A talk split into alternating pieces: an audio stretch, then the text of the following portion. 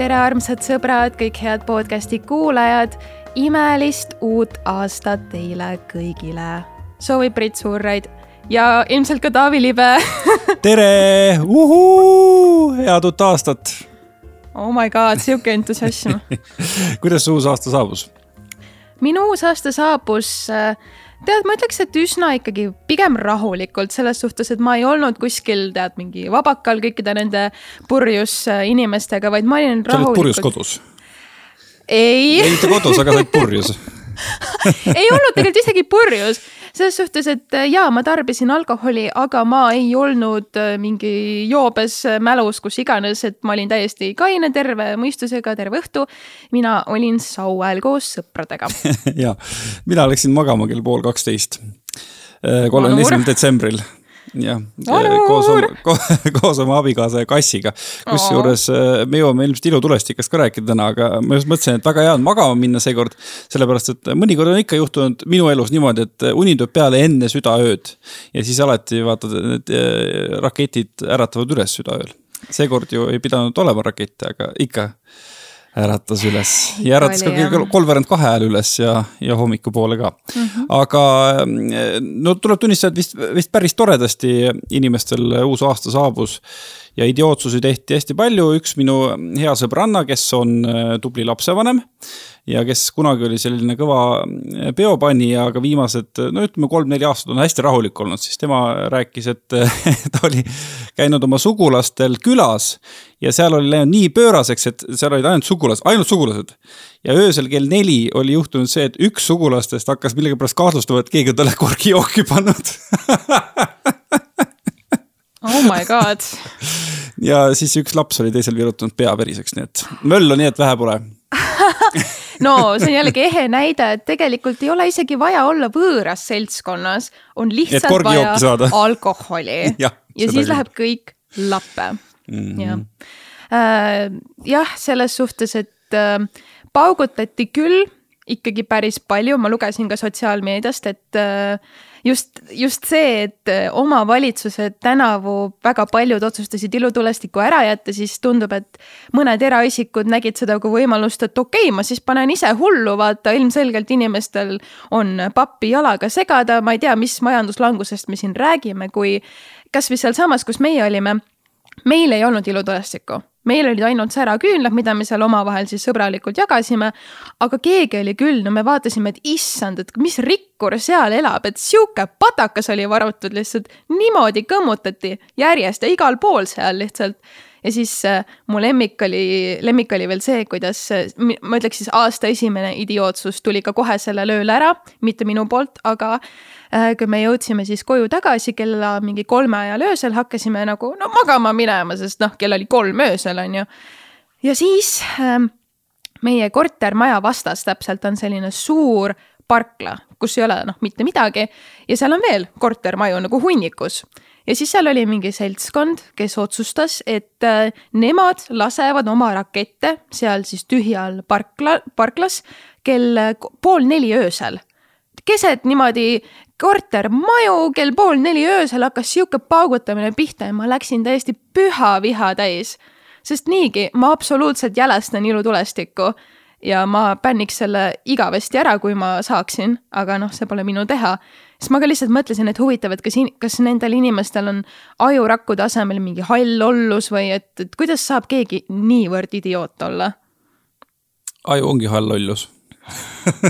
Lõpeta ära, Taavi, you know what I mean ma saan jah aru, mis sa mõtled. ei, tegelikult ju oli ikkagi natuke vähem oli seda paugutamist, eelmisel aastal ma olin aastavahetusel äh, Naapolis ja siis äh.... no kuidas sa siis isegi võrrelda saad, kui sa Eestis ei olnud? ei no selles mõttes nagu varasemate aastatega võrreldes. aga lihtsalt äh, seal oli nagu näha, kuidas ilutulestikku lastakse, seal oli ikka niimoodi, et ma mõtlesin, majad lastakse õhku. ja kõige lõpetuseks siis äh, inimesed ka korteritest lasid ilutulestikku nagu rõdu pealt ja lõpuks viskasid asju ka alla äh, rõdu pealt, sellepärast et vanad asjad tuli aasta lõpuks ära visata, et ma arvan, et ei ole meil hullu midagi selle ilutulestikuga, et. et võib-olla kui saaks kuidagi tänapäeval seda müra vähemaks ja võib-olla valgust rohkem, siis äh, mul ei ole ilutulestiku vastu otseselt midagi, ma küll ei viitsi seda vaadata kunagi. ja see kuidagi ei eruta mind, aga. ja ega ilutulestiku aga... mõte ongi ju see, et see teeb palju lärmi ja see paugutab. ei no mõte on ikka selles, et ilus on vaadata.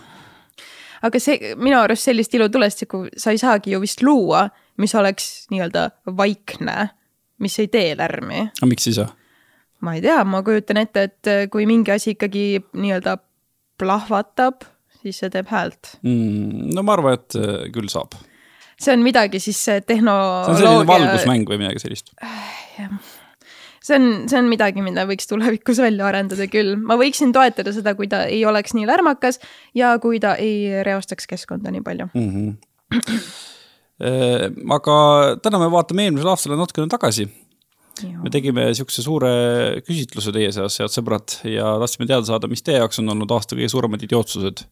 kas siis isiklikus plaanis või, või natukene laiemas plaanis, Eesti, Eesti plaanis või maailma plaanis ja tuleb välja, et ilutulestikud olid ka seal, jah? olid küll jah, ma nägin jah, keegi oli selle sinna kirjutanud, õigemini see täispikk lause oli vist Alar Karise jonnimine peretoetuste teemal ja siis ilutulestiku ärakeelamine. no see oli keegi kolme lapse isa kes tahtis, tal on üks äh, või kaks rõõmu elus, tal üldiselt on üks rõõm elus. ja see rõõm oli see, et sa saad äh, kolmekümne esimesel detsembril purjus peaga lasta rakette. ja nüüd oli lootus, et tuleb veel teine rõõm, et tänu sellele, et tal on kolm last, ta saab korraliku äh, pataka raha uuel aastal. et veel rohkem ilutulestikku osta. nojah, või siis midagi muud teha, aga, aga nüüd on kõik tuksis. põhimõtteliselt viie päevaga, sellepärast et see Alar Karise otsus tuli ju mõned päevad varem ainult kurb ju. kurb on nüüd mis asi? no et mõnel inimesel on elu nii raske. tõesti, issand jumal, ei sorry, ma ei saa kaasa tunda, ma, ma, ma tegelikult, ma ei ole üldse õige inimene ilmselt sellel teemal rääkima, sest mul ei ole mitte ühtegi last mm. -hmm. nii et mind see peretoetuste teema ei puuduta aga, ja ma ei, ma ei tahaks ka tegelikult eriti sellesse laskuda, sest ma ütlen ausalt, täpselt kuna see mind ei puuduta, siis ma ei ole ka detailideni kursis yeah,. Yeah. aga nii palju, kui ma olen aru saanud, siis see probleem oli siis ikkagi tohutu ebavõrdsus nende toetuste vahel. et esimene ja teine laps nii-öelda, see on nagu, no suva, kui sul need on, aga vot see kolmas laps, kui sul see kolmas laps on, vot siis sina saad raha.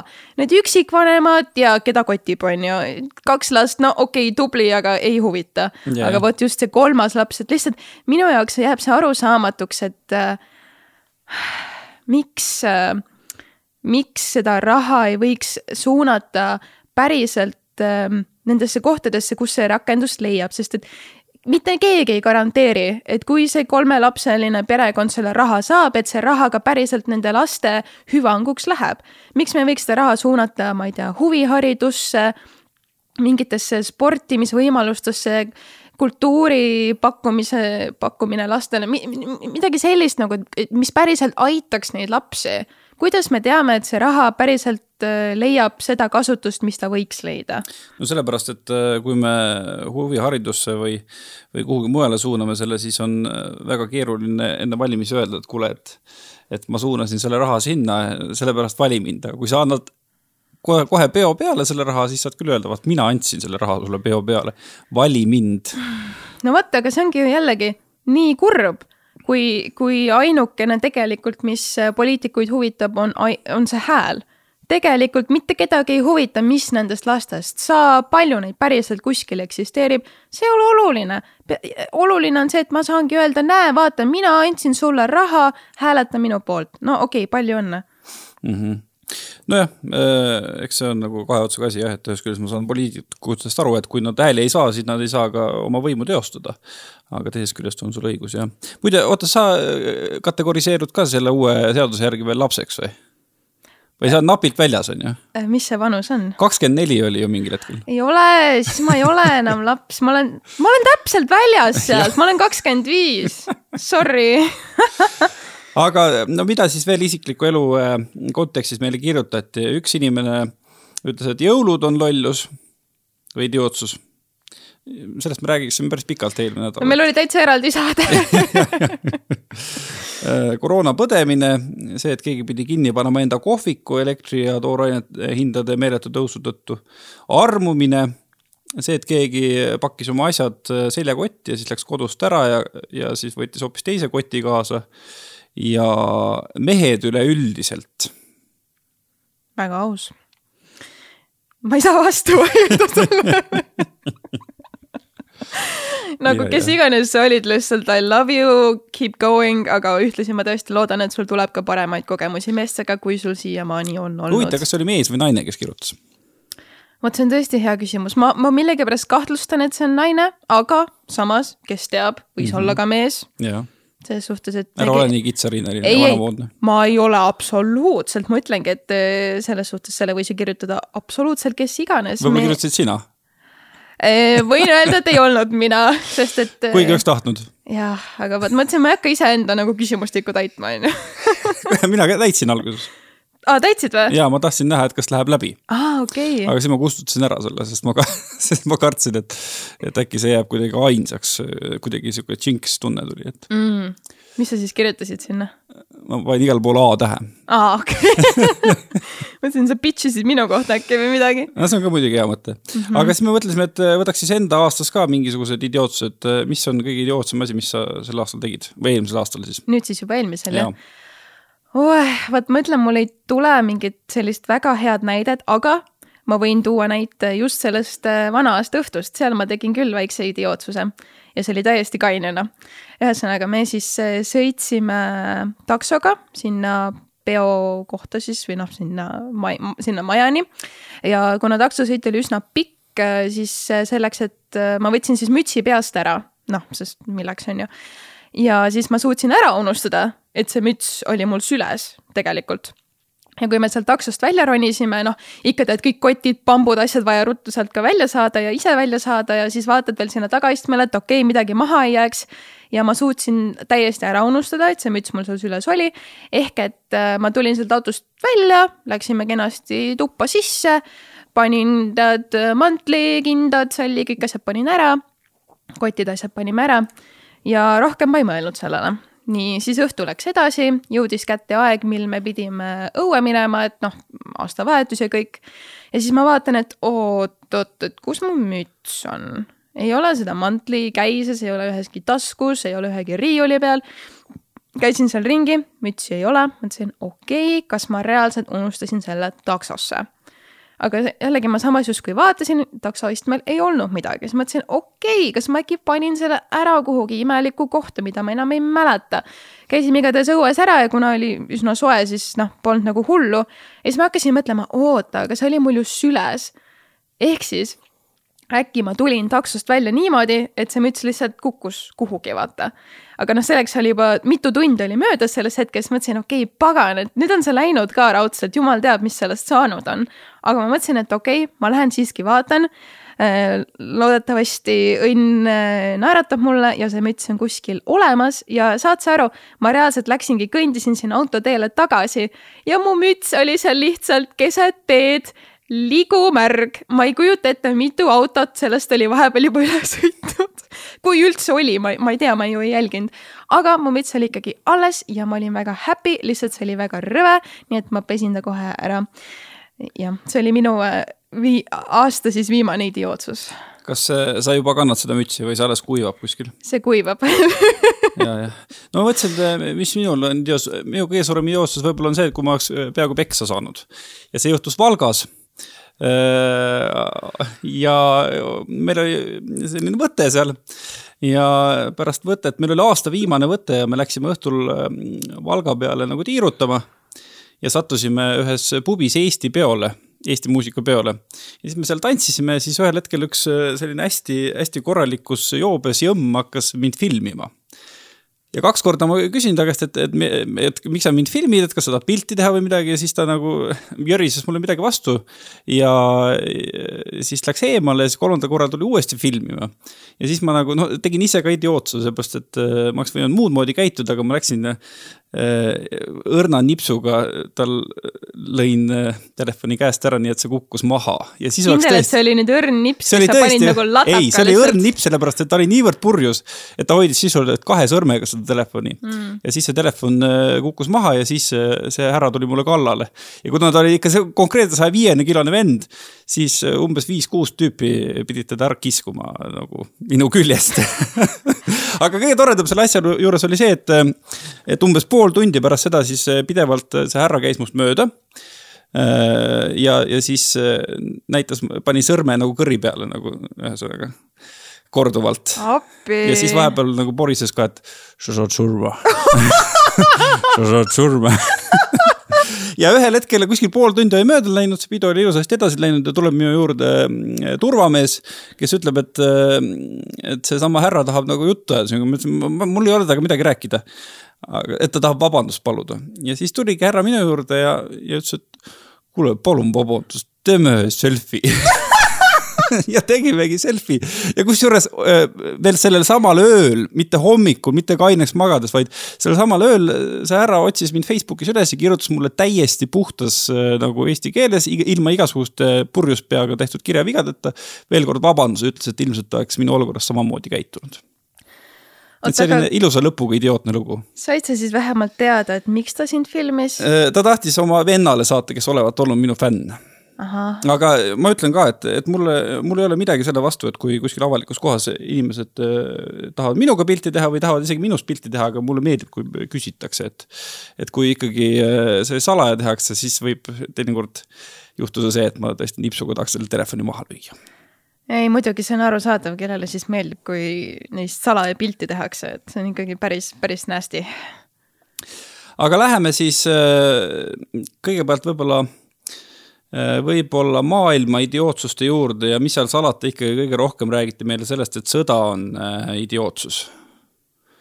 no, no peab nõustuma, ega ja. siin ma arvan tõesti, et äh, möödunud aasta kõige idiootsemat tegu ei pea kaugelt otsima. vaatame lihtsalt sinna idanaabrite poole ja vastus on käes. muidugi veebruarikuus saab ju aasta sellest sõjast ja jumal teab, kaua see kestab, aga no ma ei tea, hetkel väga ei, ei tundu see tulevik liialt helge mm -hmm. selles osas. no kuidas sulle tundub, kas eestlased on kuidagi äh, selle kõige keskel äh, käitunud hästi või on ka käitunud idiootselt? Kin-, ma arvan, et mõlemat. kindlasti on olnud väga palju eestlasi, kes on äh, võtnud ju ikkagi need sõjapõgenikud avasüli vastu, on teinud omalt poolt kõik, et neid aidata, neid toetada noh, kas siis rahaliselt või, või kuidagi teistmoodi, aga noh, paratamatult meil on ka ikkagi väga palju selliseid inimesi, kes ei poolda sõjapõgenike vastuvõttu, kes on äh, paanikas, et need võtavad, ma ei tea, meie töökohad ära ja noh, tead, kõik jutud on ju, et äh, kahjuks meil on ka üks erakond Eestis, kes väga tugevalt selles osas valeinfot levitab. Et äh, noh, vot see on see, mis mind kurvaks teeb mm. -hmm. et mhm. lihtsalt, kui vabandust nüüd mõel-, mõelda lihtsalt selle peale, et kui see oleks olnud Eesti, kui see ei oleks olnud Ukraina, vaid Eesti, et kas, kas, äh, kas keegi siin Eestis äh, tahaks seda, et kui on vaja, siis ma ei tea, emigreeruda siit riigist või minna rindele või mis iganes, et meid koheldaks niimoodi. ja, ja eestlased on ju minevikus olnud sõjapõgenikud, me, meie peaksime kõige ju paremini teadma, mida see tähendab.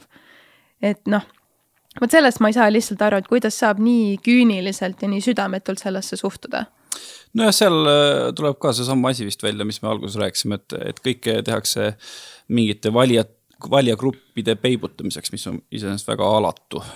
võib-olla siis jah, üritatakse haarata neid kõiki, keda omal ajal suurepäraselt haaras äh, härra Edgar Savisaar, olgu muld talle kerge aga niivõrd küüniliselt seda teha muidugi väga jube.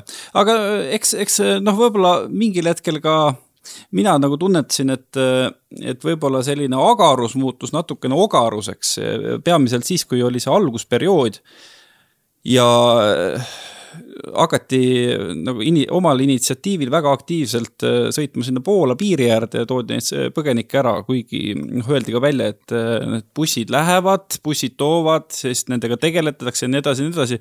ja siis see oli natuke selline asi, et et äh, mulle, mulle kuidagi tundus, et, et tekkis mingisugune väike kildkond inimesi, kellele tundus, et ta peab nagu midagi tegema ja siis tegi autoga selle tiiru ära, tõi nad kuhugi noh, Niine tänavale. mis neist edasi saab, see oli nagu ükskõik, on ju. kas nad oskavad kuhugi edasi minna, see ei olnud oluline, kas nüüd tekib olukord, kus, kus nad on kuidagi ilma registreerimata sattunud siia ja on mingi süsteemist nagu läbi käimata, erinevalt neist, kes tuuakse bussidega ja kes noh, kohe pandi ilusasti kirja ja vaadati, kuhu nad edasi saavad minna. aga siis saad endale vastu rinda taguda, et ma olen nüüd nagu oma heateo ära teinud ja siis saad kuidagi äh, siis rahulikult oma patust elu edasi elada, et see oli võib-olla selline ogaruse märk kohe seal äh, sõja algusperioodil, aga mulle tundub, et see, see oli selline laste haigus, et hiljem nagu midagi sellist väga ei ole ette tulnudki. jah, kindlasti ajaga see kogu see teema üleüldse vaata nii-öelda vaibus maha või noh, et mhm. sellest lihtsalt ei kirjutatud enam nii aktiivselt, igapäevaselt ei tulnud, ma ei tea, kümme, sada pluss uudist sellel teemal lisaks sellele jah, sellele nii-öelda sõidame sinna Poola piiri äärde ja toome nad sealt koju, koju siis nii-öelda enda koju. oleks veel enda koju, on ju, aga lihtsalt tood kuhugi tänavale. lihtsalt tood kuhugi tänavale.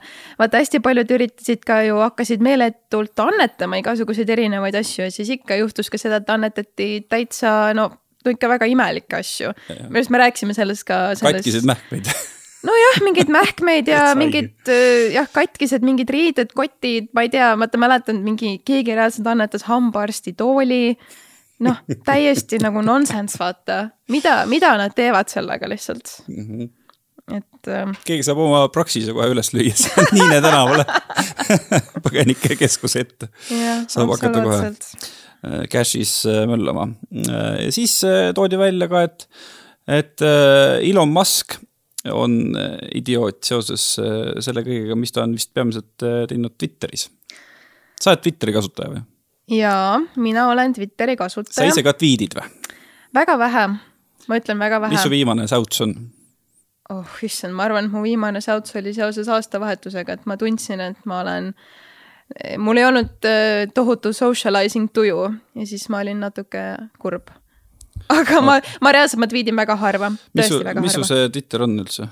seda ma küll ei ütle mul ei, mul ei ole vaja, et keegi selle konto üles leiaks, aga pluss see on private, nii et keegi niikuinii ei näe. aa, nagu omaette siis tweet'id nagu endale? oma, iseendale lihtsalt, see on mu isiklik päevik, vaata okay.. ei, äh, selle Elon Muskiga seoses jaa, ma pean nõustuma, sest äh, ikkagi olles Twitteri kasutaja, siis see, mida ta seal korraldab, paratamatult jõuab ka minuni väga paljuski. Ehm, jah, ta on seal ikka väga, väga jaburaid asju teinud, minu arust viimane jabur asi, mis ta tegi, oli see, et nüüd sul on võimalik näha, kui paljud inimesed sinu tweet'i ehk siis säutsu on näinud mm. -hmm. nagu view count nii-öelda. et see on, noh, muidu varem oli näha nii, et. see on nagu TikTokis põhimõtteliselt nagu Instagramis vaata näiteks, et sa näed ju vaata, kui palju inimesi on sinu story't näinud ah,. noh, numbrit ja, on ju, et siis nüüd on Twitteris põhimõtteliselt see, et, et sa näed, kui paljud inimesed sinu säut, kui, kui mitme inimeseni sinu säuts nii-öelda on jõudnud. ja sa näed ka kõike muud, on ju, retweet'e, neid reply sid ja mis iganes mm. -hmm. aga lihtsalt see kuidagi inimesed olid jumala nagu jumala närvis, et ahah, et nüüd ma siis saan näha, kui paljud inimesed mind ignoreerivad et noh ma ei tea, suht sihuke kasutu feature, ma tunnen mm. -hmm. ma ei ole sellest Twitteri fenomenist otseselt nagu kuidagi kunagi väga aru saanud, et mulle tundub, et see on selliste snoopide koht ennast natuke välja elada. tead ähm,, ma, ei oska ka öelda, kas seal on otseselt mingi fenomen peitub, ta ongi jah, pigem ilmselt lihtsalt ta on hea, ma ütlen, äh, info jagamiseks, ma tunnen mm. -hmm. et kuidagi seal on hästi kiiresti võimalik informatsiooni edastada inimestele, mis muidugi võib ka väga ohtlik olla, kui sa levitad valeinformatsiooni. ja seda on ka omajagu, näiteks see juhtus samamoodi siis, kui äh, Elon Musk tõi siis selle toreda Twitter Blue mingi teenuse, et igal siis soovijal on võimalik kaheksa dollari eest kuus teha subscription, millega nad saavad endale selle blue, noh, selle sinise linnukese oma sinna nime kõrvale, mis varem tähendas seda, et see konto on verified ehk siis see on autentne, see on eh, nii-öelda päris konto, olgu see siis mingi kuulsus, mingi bränd, mis iganes. aga kui tuli see Twitter Blue ehk et selle said endale soetada absoluutselt kõik inimesed, siis juhtus see, et eh, massiivne parodeerimine läks lahti ja tehti väga palju paroodiakontosid nagu kõikidest, ma ei tea, kuulsustest, presidentidest, brändidest ja siis hakati igasugust sitta tootma. ja siis juhtus ka see, et väga paljud mingid reklaamidiilid kukkusid ära, sest et Twitteri kredibiilsus lihtsalt langes tohutult mm. -hmm nojah, ma arvan, et eks Elon Muskil on kokkuvõttes ikkagi igav, et ta on nii palju asju juba teinud ja tal on nii palju vara ja mõned asjad nagu ei lähe ka nii hästi ja mõned asjad on väga hästi läinud, kui me räägime näiteks Starlinki äh, internetist, tänu millele Ukrainal on tunduvalt lihtsam seda sõda pidada, kui oleks ilma selleta, aga, aga noh, Marsile ta jõudnud ei ole veel ja ilmselt lähiajal ei jõua ka, nii et suurel poisil on igav. kas see ei ole mitte hirmutav et kui meil on niivõrd rikas ja mõjuvõimas inimene, kes põhimõtteliselt võib teha ükskõik, mida ta tahab mm -hmm. ja tal on igav. My god, we are fucked ju no vaat, see on nagu kahe otsaga asi, et ühest küljest on see küll hirmutav, aga teisest küljest äh, eks äh, juba ju ka lasteaialastele räägitakse, et igavus on selline peamine loovuse allikas ja noh, olukorras, kus äh, nagu võib-olla demokraatliku noh, nii palju, kui meil seda demokraatlikut on, demokraatliku riigikorralduse puhul äh, noh, on selline noh, kompromisside selline tasapaks äh, kiht igal pool ja mis kuidagi selliseid äh, lennukaid ideid ei soosi, siis äh, ma küll loodan, et äkki sellised rikkad ja igavad tegelased mõtlevad välja midagi, millest kokkuvõttes meil kõigil on abi. natuke on nad ju mõelnud ka üht-teist välja. no ma ei tea, ma lihtsalt mõtlen, et kui sa kulutad neli, mis see oli, nelikümmend neli miljardit või? nelikümmend neli miljardit, et osta ära platvorm ja siis see oma rumalustega vaikselt välja suretada, et noh, selle raha oleks võinud ju suunata päriselt inimeste aitamiseni. Elon Musk minu arust kunagi reaalselt lubas ÜRO-le vist või et ta panustab siis mingi rahasumma, et äh, võidelda globaalse soojenemisega ja ta ei teinud seda mm -hmm.. noh, seda, seda summat mitte kunagi kuhugi ei antud. et noh, jällegi tore, et suur mees ja justkui suured teod, aga tegelikult mitte päris. nojah, vaata, see on jällegi kahe otsaga asi, et ühest küljest äh, noh, kui ta lubas ja ei teinud, siis on nagu noh, kehv värk, on ju. aga teisest küljest äh, okei okay,, Elon Musk lubab oma raha panna, aga samas äh, kakssada riiki arutavad aastaid ja aastaid ja aastaid ja teevad konverentsi igal pool, lendavad kohale, kulutavad tohutut ressurssi selleks, et teha suuri lepinguid ja konverentsi ja siis ikka ei jõua sellega mitte kuhugi. siis noh, see on veel hullem ei, absoluutselt. no ega me ei, see ei olegi normaalne, et meie planeedi tulevik sõltub mingist ühest miljardärist umbes mm. -hmm. see ei olegi ju normaalne. tegelikult see ei peakski olema tema vastutus või üldse tema kohustus. absoluutselt mitte. aga no vot, jah, see globaalne soojenemine, ah oh, jah. jah. Oh, selleks on eraldi saadet vaja aga äh, võtame siis äh, meie enda puhul ka, mis, mis sulle silma jäi aastast kaks tuhat kakskümmend kaks maailma kontekstis? välismaal või? ohohoo äh,, no siin ju aasta lõppes vägagi positiivsel noodil kõigi laste lemmik Andrew Tate võeti kinni Äh, vot, vot see isik jäi mulle eelmisest aastast meelde, sest ma ei olnud temast mitte kunagi mitte midagi kuulnud. aga järsku hakati igal pool temast rääkima, teda levitati kui mingi kõige õudsam misoküün ever. ja noh, ütleme nii, et ma ei ole ise mitte kunagi mitte ühtegi tema videot äh, niimoodi, et ma nüüd istuks maha ja vaataks tema videot või kuulaks mingit podcast'i aga vot minuni jõudsid paratamatult klipid, noh siis Tiktokis äh,, Instagramis, Twitteris, igal pool kõik tema vihkajad teda tohutult kajastasid. vot ja siis, siis ma ka mõtlesin, et issand, kui õudne inimene.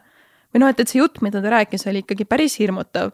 ja, ja sellest hirmutavam veel on see, et see jutt äh, jõuab ju nii paljude inimesteni ja siis paratamatult mingid inimesed resoneeruvad temaga. ehk ta sai justkui vaata oma toetajaid juurde, tema sihuke gäng suurenes pidevalt. vot, vot see oli hirmus. et ähm, vot ma ei, ma ei tea, kui, kui suur mõju on Andrew Tate'il olnud Eesti nii-öelda inimestele. ma arvan, et noorematele kindlasti on. no, no vot, aga kas see ei ole mitte väga-väga õudne? jah, noh, vot see on nüüd äh,, kuidas ma ütlen, kui sellist Andrew Tate'i mingit mõtteviisi äh, edasi kanda, siis äh, noh, selline võrdõiguslikkus ja ja see, et kõik võivad oma mõtteid väljendada, noh, see kindlasti ei lähe tema mõtteviisiga kokku, aga samas, kui me räägime sellest, et kas, kas see on õige, et tema mõtted jõuavad kõikidele, siis no me samamoodi ju ikkagi läheme sellele väga libedale teele, et me räägime võimalikust tsensuurist, on ju ah,. absoluutselt, sõnavabadus on ju. sõnavabadus ja võrdõiguslikkus ongi võib-olla see tänu, millele ta võib vabalt levitada oma, oma jama. jah, vot no aga nüüd siin ongi see, et kas äh, kas su jutt on äh, sõna otseses mõttes viha, ma ei tea, siis ütleme tema puhul siis naiste suunas või see on kuidagi argumenteeritud, kalkuleeritud jutt, ma ei tea, lihtsalt see, see oli konkreetne sitt ju, mis sealt suust välja tuli ja positiivne minu arust oli see, kuidas ikkagi ta bänniti ju kõikidel platvormidelt ära. Youtube'i konto pandi tal kinni, Tiktokis sai bänni, Instagramis sai bänn, igalt poolt mm. -hmm. ja siis äh, muidugi Elon Musk jälle tuleb siin mängu, tema tõi ta konto talle tagasi Twitterisse. ja oi, oh õnnetust, kuna mõnel mehel on lihtsalt nii habras ego ja noh, väga, ma ei ütle seda siin eetris välja, aga kuna ta selle video ikkagi postitas ja kinni võeti, siis noh, palju õnne. Mm.. sa oledki lihtsalt iseenda suurim nagu hukatus. Mm.. ja ma olen sinuga nõus jah, et see Andrew Tate oli üks või siiamaani on, loodetavasti saab aktiivselt tegutseda vähem lähiajal, aga, aga üks väga kummaline tegelane, aga noh, selle kõige juures ikkagi noh, ma panen ka südamele igasugustele nii-öelda kõrgekaliibrilistele sugar baby dele, kes ka Eestis tegutsevad, et, et sellise mõtteviisi levitamine, et noh, on väga hea nagu elada mehe kulul ja, ja olla selline ilus ja särav, et noh, kokkuvõttes see on natukene ohtlik ja see sillutab ka teed sellistele Andrew Tate idele, kes arvavadki, et et kui sa natukene nagu ilusat autot näitad ja, ja plekki taskust välja võtad, siis sa võid naistega teha, mis sa tahad ja sa võid naistele öelda, mida sa tahad. nii et äh, see on jah, selline peeglisse vaatamise koht ka, ka naisterahvastele, ma arvan.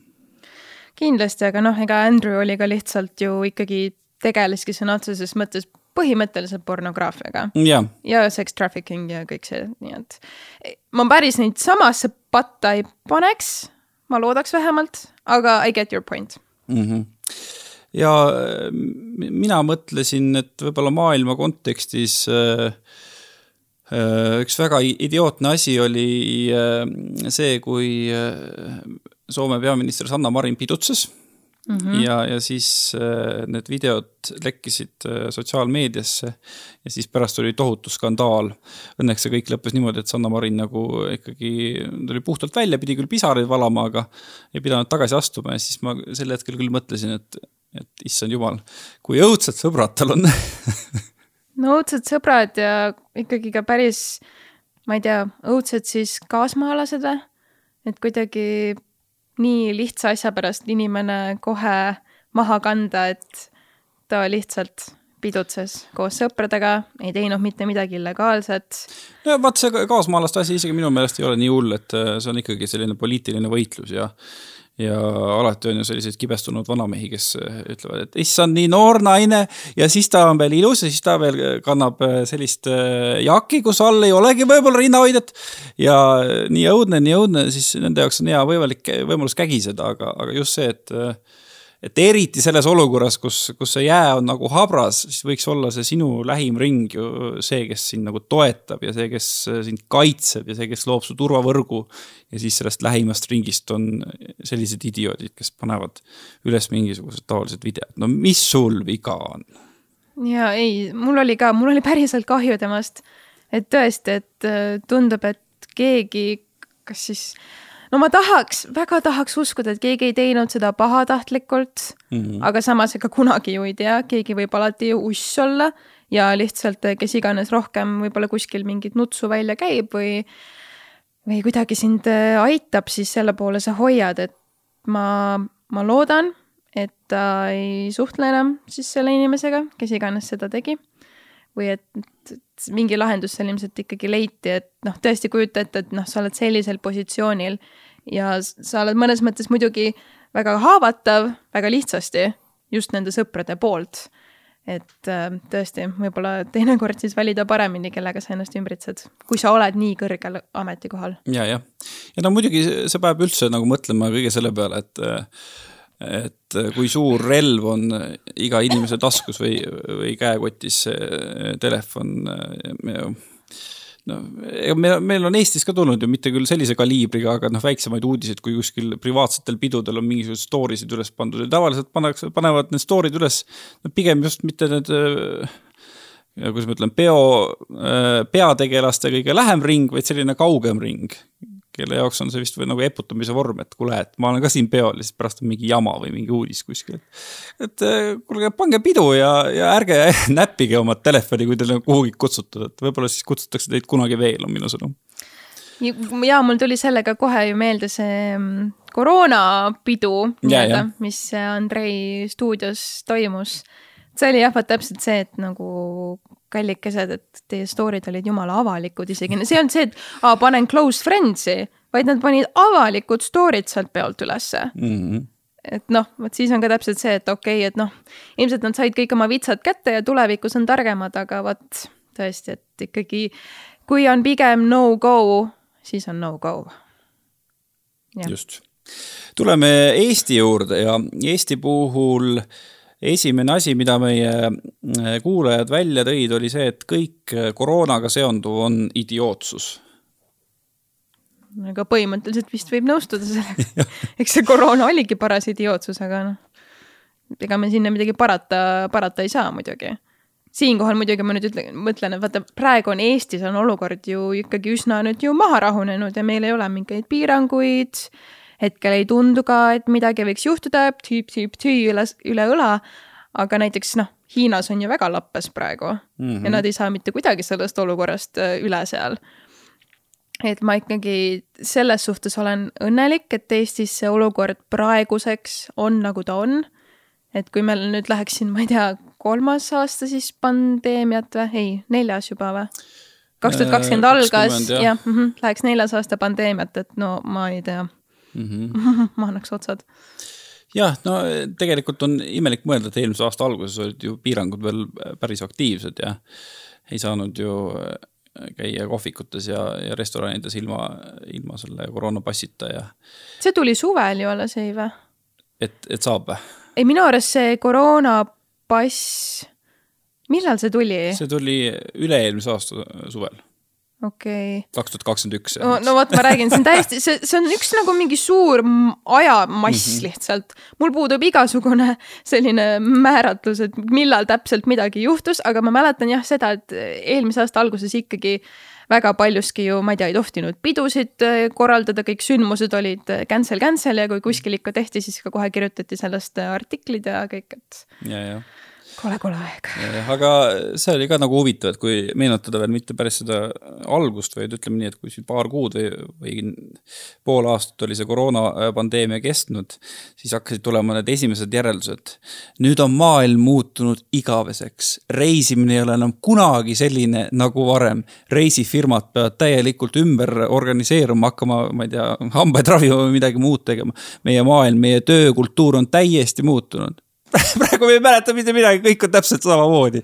et selles mõttes on kuidagi kummaline, ähm, kuidas ajahetkes olles äh, tundub mingi asi nii suure mõjuga ja, ja nüüd isegi kuidagi me elame oma elu nii kiiresti, et, et äh, tundub, et see on kauge minevik ja täpselt väga nagu ei mäletagi.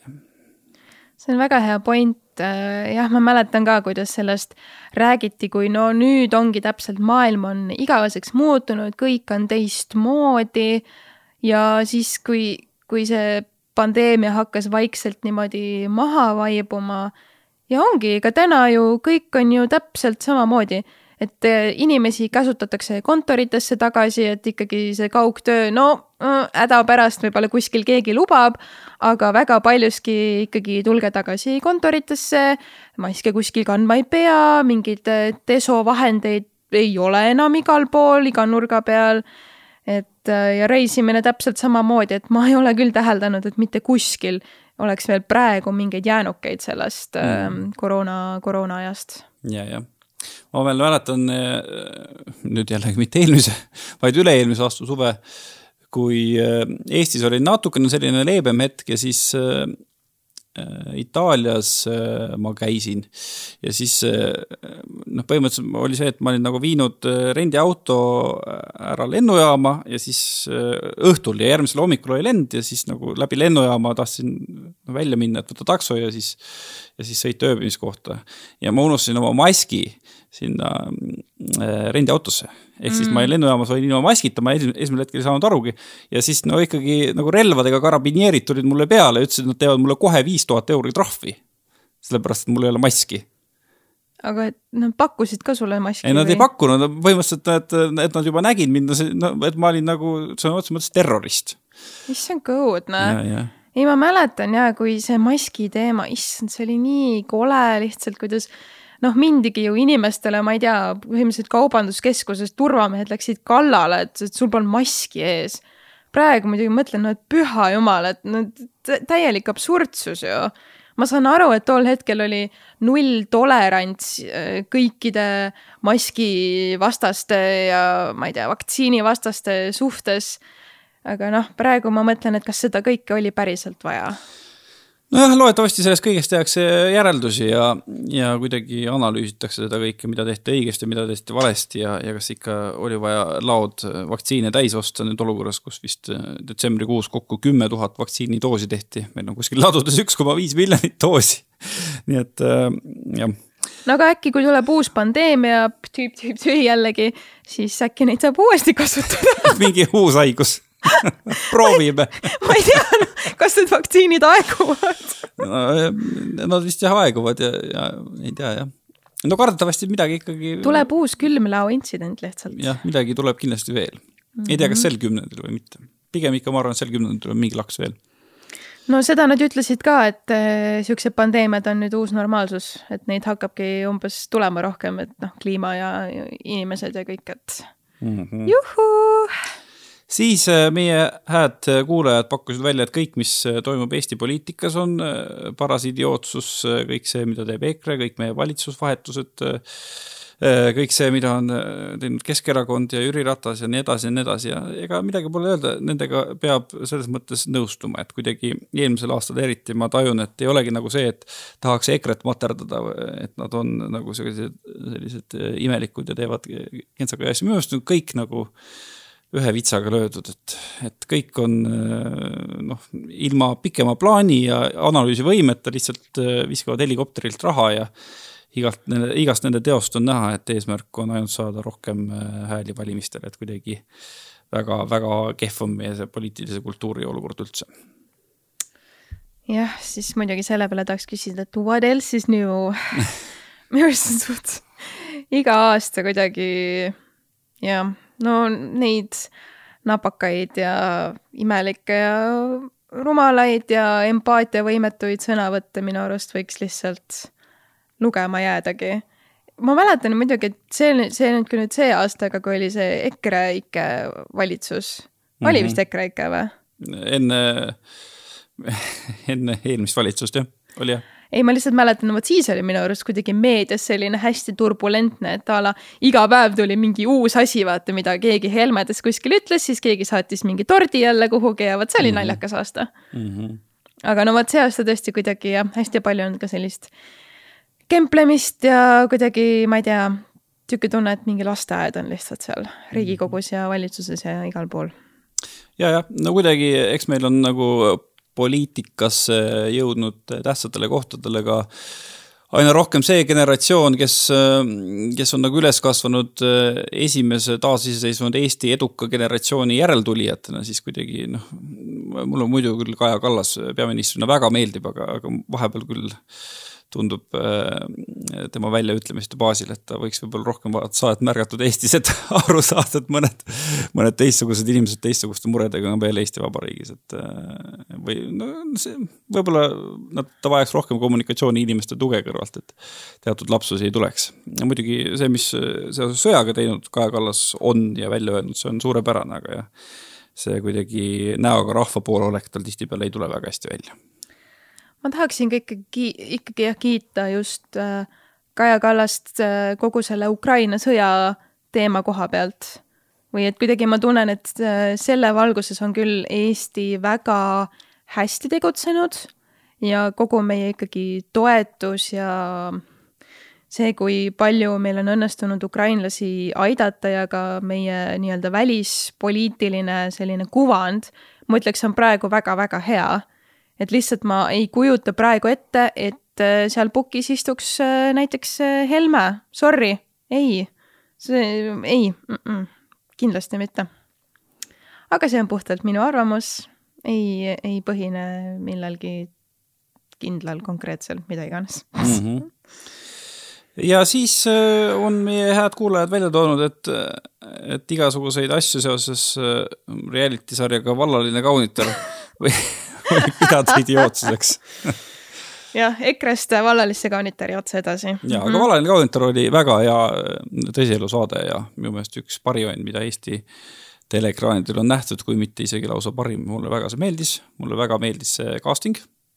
kõik need poissmehed olid nagu suurepärased äh, tegelased ja suurepärased karakterid, et kui viimasel ajal on võib-olla Eesti reality tes ka hästi palju selliseid hästi noori inimesi, kelle puhul no, no inimene, kes on nagu jõudnud oma kolmekümnendatesse rääkimata sellest, et on jõudnud kaugemale oma elus, et, et nagu kuidagi nagu igav on, et kui inimene ei ole nagu jõudnud veel selliseks mitmekihiliseks muutuda, et noh, noor ja noored on igavad, ütleme nii siis äh, vallalise kaunitari puhul need olid äh, lahedad tüübid. üks ühtemoodi lahe, teine teistpidi lahe, paljude üle sai nagu naerda ka ja ja see ongi ühe reality sarja mõte ja noh, Brigitte Susanne Unt vähemalt seal saates minu meelest ikkagi sai suurepäraselt hakkama, et ta näitas ka pehmemat poolt endast ja ja no oli nagu hästi tehtud, see on nüüd kiitus minu poolt, aga peamiselt on võib-olla idiootsus see, mis, mis sellele kõigele järgnes või mis sa arvad? Äh, jah, ma, ma olen nõus selles suhtes, et no nagu ma olen ka siin varasemalt öelnud, siis mina seda saadet ei jälginud. aga see on puhtalt lihtsalt, sest ma ei ole ise eriline reality'te fänn ega vaataja ja minu eelistust minu eelistusteks.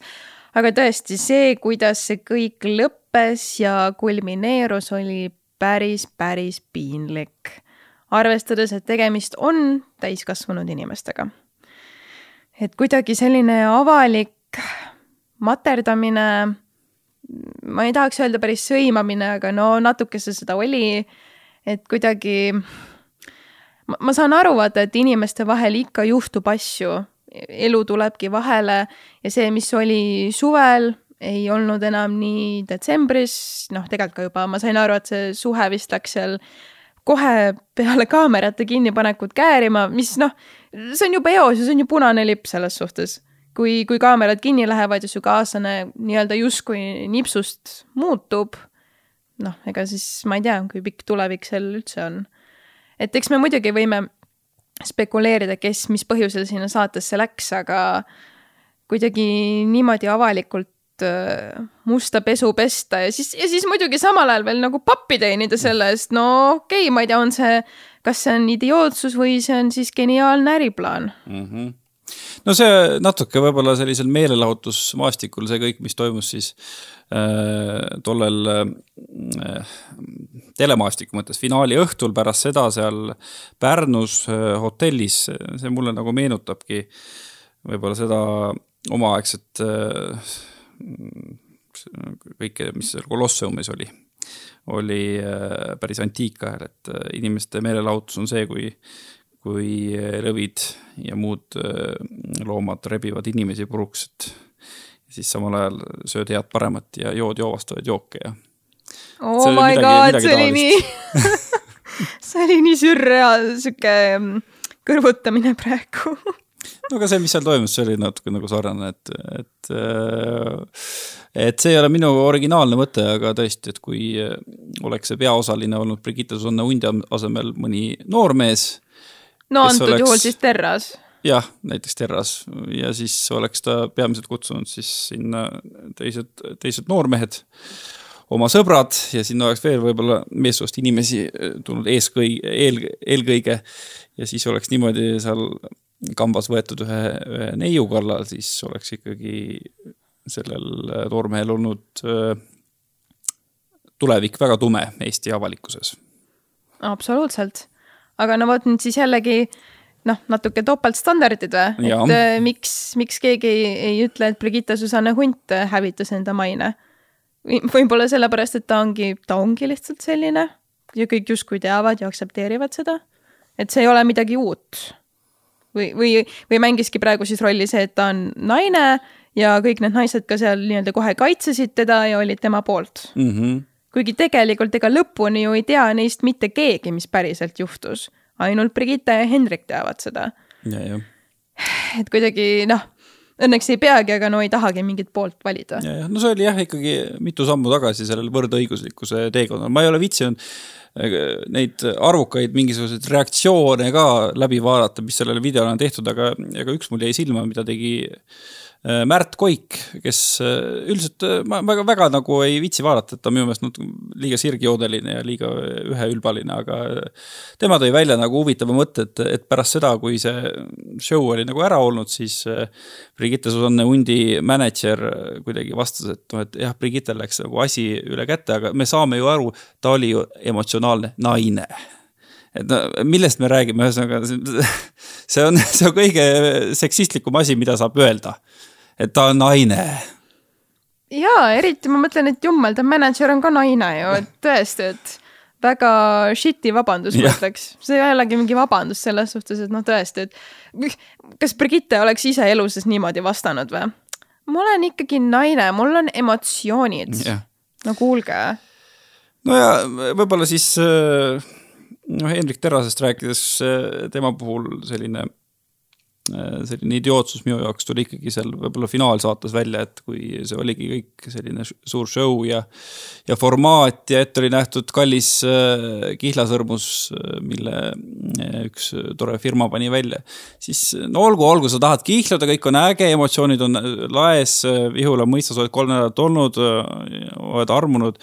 no anna siis see kihlasõrmus, aga mis sa sellest vanaema sõrmusest veel juurde topid ja siis pärast hakkad rääkima, et aga neli kuud ongi selline aeg, kus nagu nagu inimesega tuttavaks saada.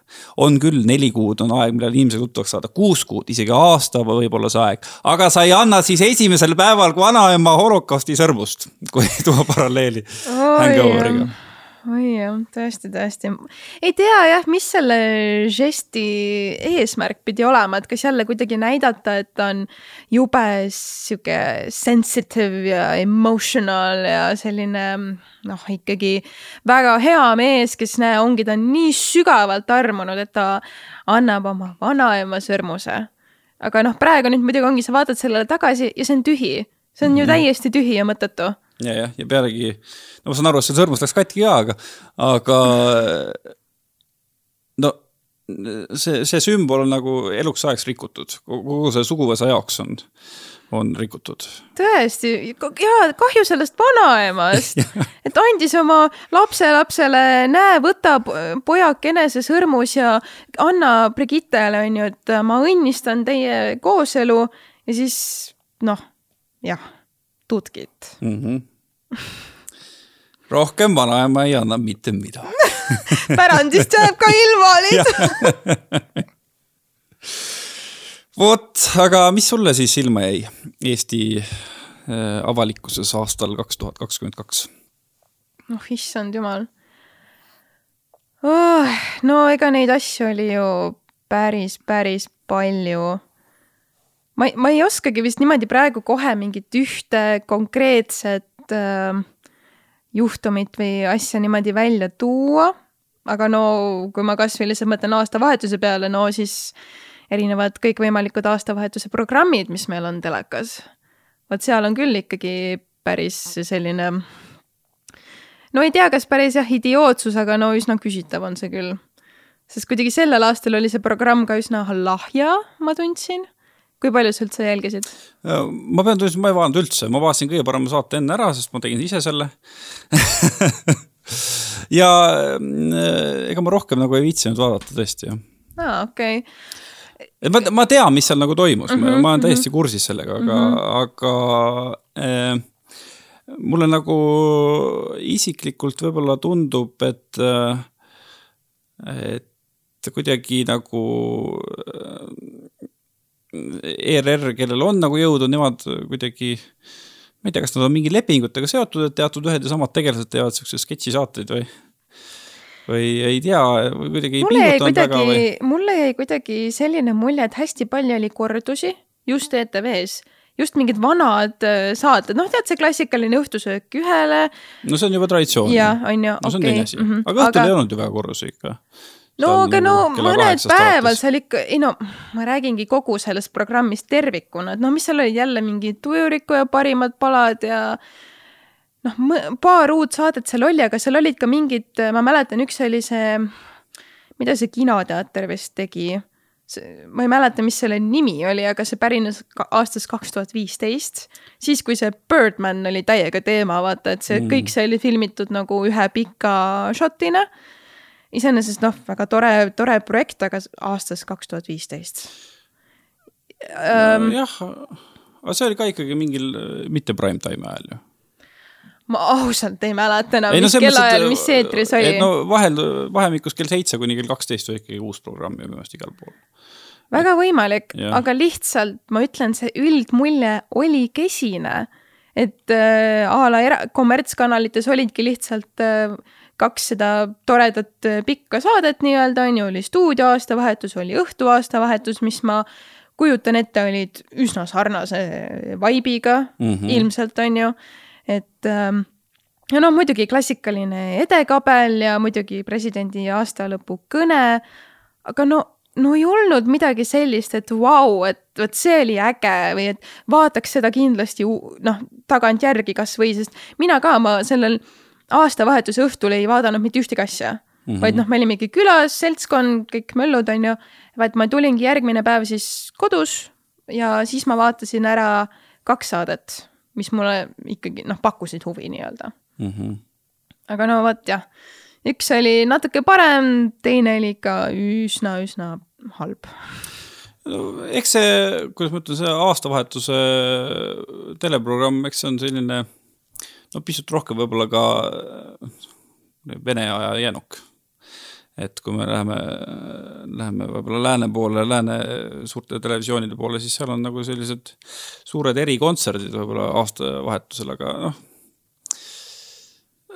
teletegijana ma pean ütlema, et aga ega nagu seda kõige paremat pala nagu ei taha panna ka aastavahetusse, kui päris aus olla. sellepärast, et, et inimesed on purjus sel ajal ja telekas käib pigem, pigem nagu taustaks.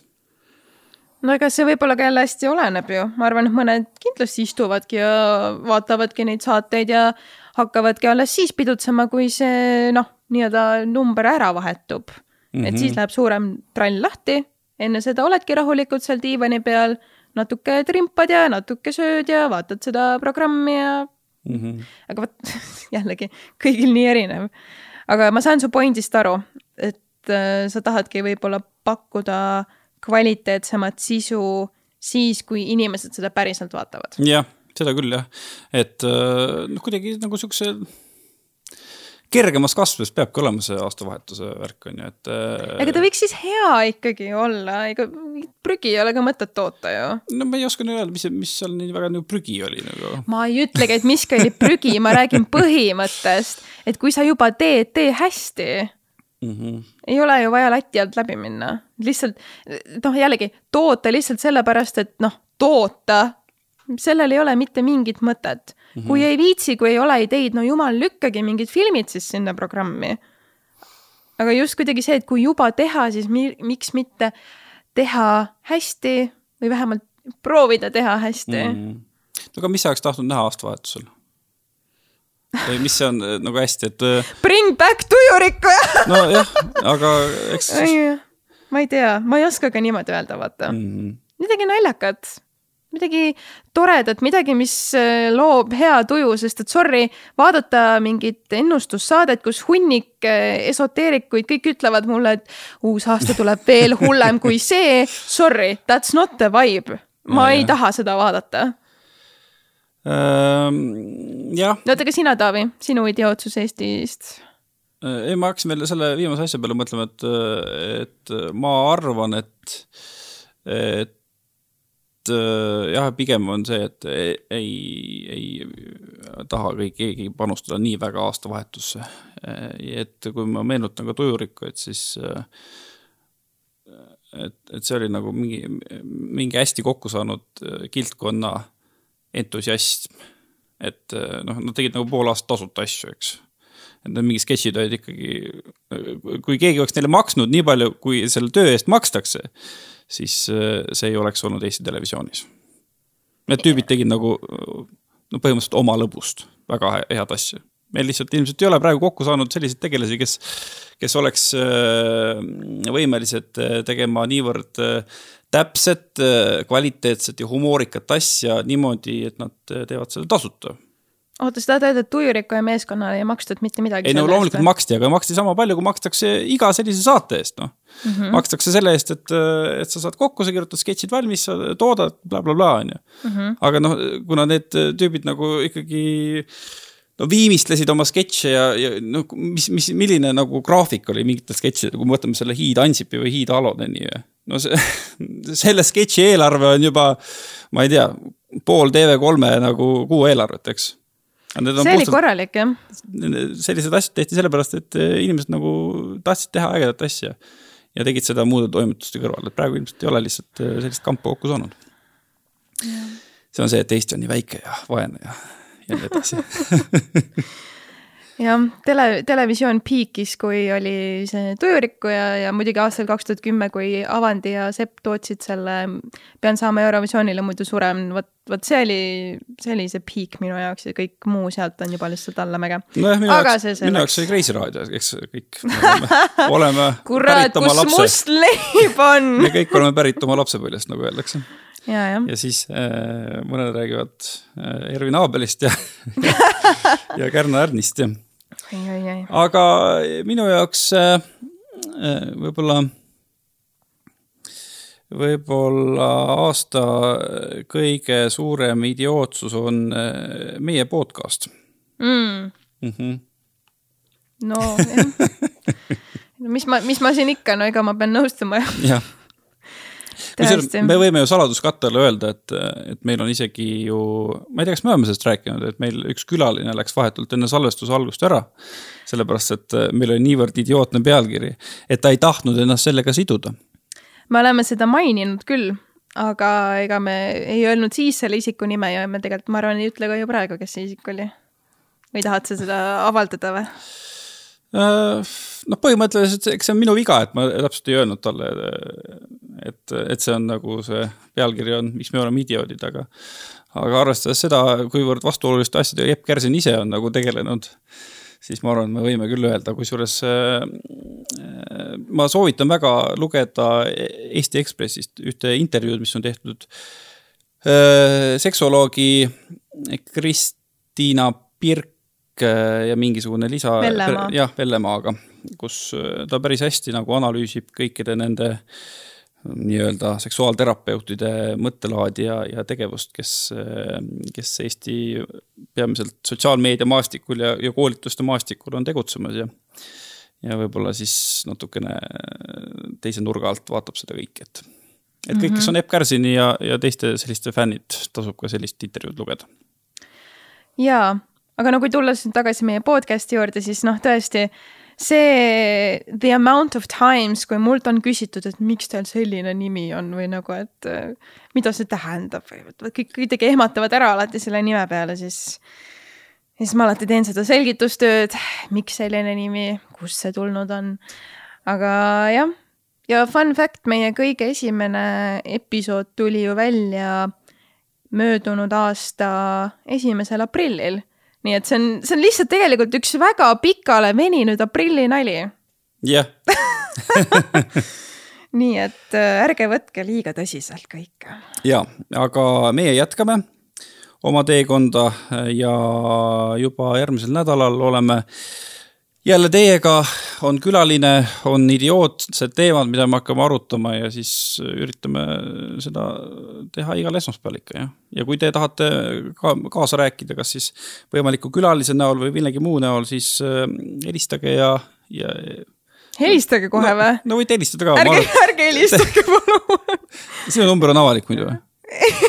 ole. minu number on küll avalik, nii et võite helistada, aga võite ka kirjutada taavi.libe.tv3.ee või brit.suurraid.tv3.ee.